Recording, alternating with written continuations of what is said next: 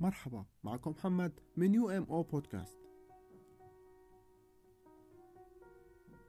في يوم من الأيام أصاب الحزن قلبي وبت مكتئبا محبطا وكأن هموم الدنيا تقف على عاتقي. فاتصلت بصديقي المقرب تشارلي وشكيت له فأخبرني أنه قادم لمنزلي. وعندما جاء سألني عن حالي فقلت له أني متعب جدا وأن الاكتئاب بدأ يتسلل إلى حياتي ليسيطر عليها فسألني هل فكرت يوما أن تمن لنفسك؟ فأجبته لا لماذا؟ فقال يدرك الإنسان الخير في حياته بواسطة الامتنان إذ يجد نفسه يتحلى بنظرة أكثر إيجابية في حياته ويستمتع بالتجارب الجيدة ويهتم بصحته كما يمكنه تجاوز الشدائد وبناء علاقات قوية فتعجبت. فقال لي هل تعلم أيضا؟ قلت ماذا؟ فقال تقول ماريان الامتنان هو مفتاح للبركة المقفلة. ويقول ماركوس اسهب في جمال الحياة. شاهد النجوم وراقب نفسك وأنت ترقد معها.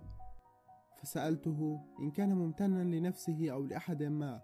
فقال بالطبع ويجب عليك أنت كذلك.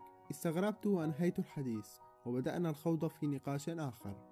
وقبل موعد مغادرته قال لي اسأل أصدقائك إن كانوا ممتنين لنفسهم أو لأحد. فذهبت وأرسلت رسالة على جروب الواتساب. هل تشعرون بالامتنان لأنفسكم أو لأحد ما؟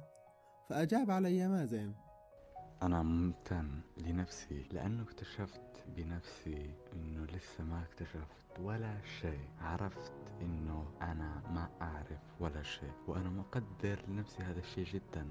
لأنها عرفت هذا الشيء. وحدثت فارق طريقة تعاملي مع الناس. ردات فعلي مع الحياة نفسها. أنا مقدر لنفسي إنه أبحث عن طريق التصالح مع نفسي. على الأقل نفسي معها هدف إنه تتصالح مع نفسي. ما يكون في مناوشات يعني بيننا. أنا ممتن لنفسي إنها تعلمت من تجارب الحياة.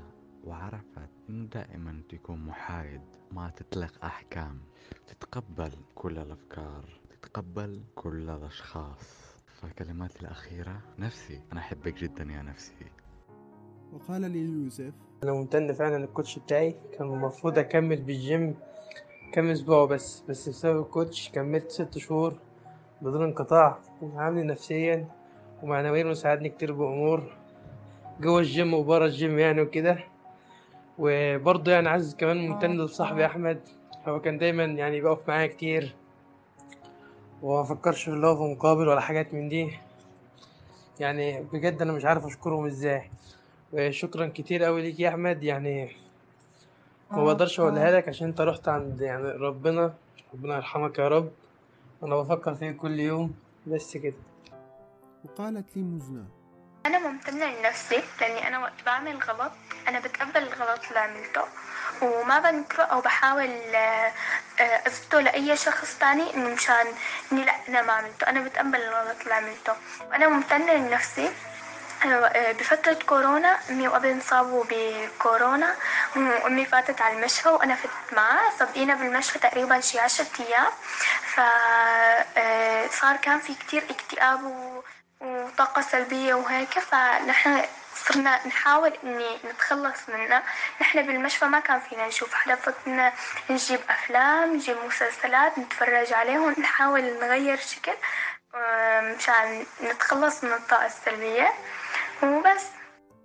وقال إبراهيم. قبل ما أشكر أستاذي حابب أقول هالشي.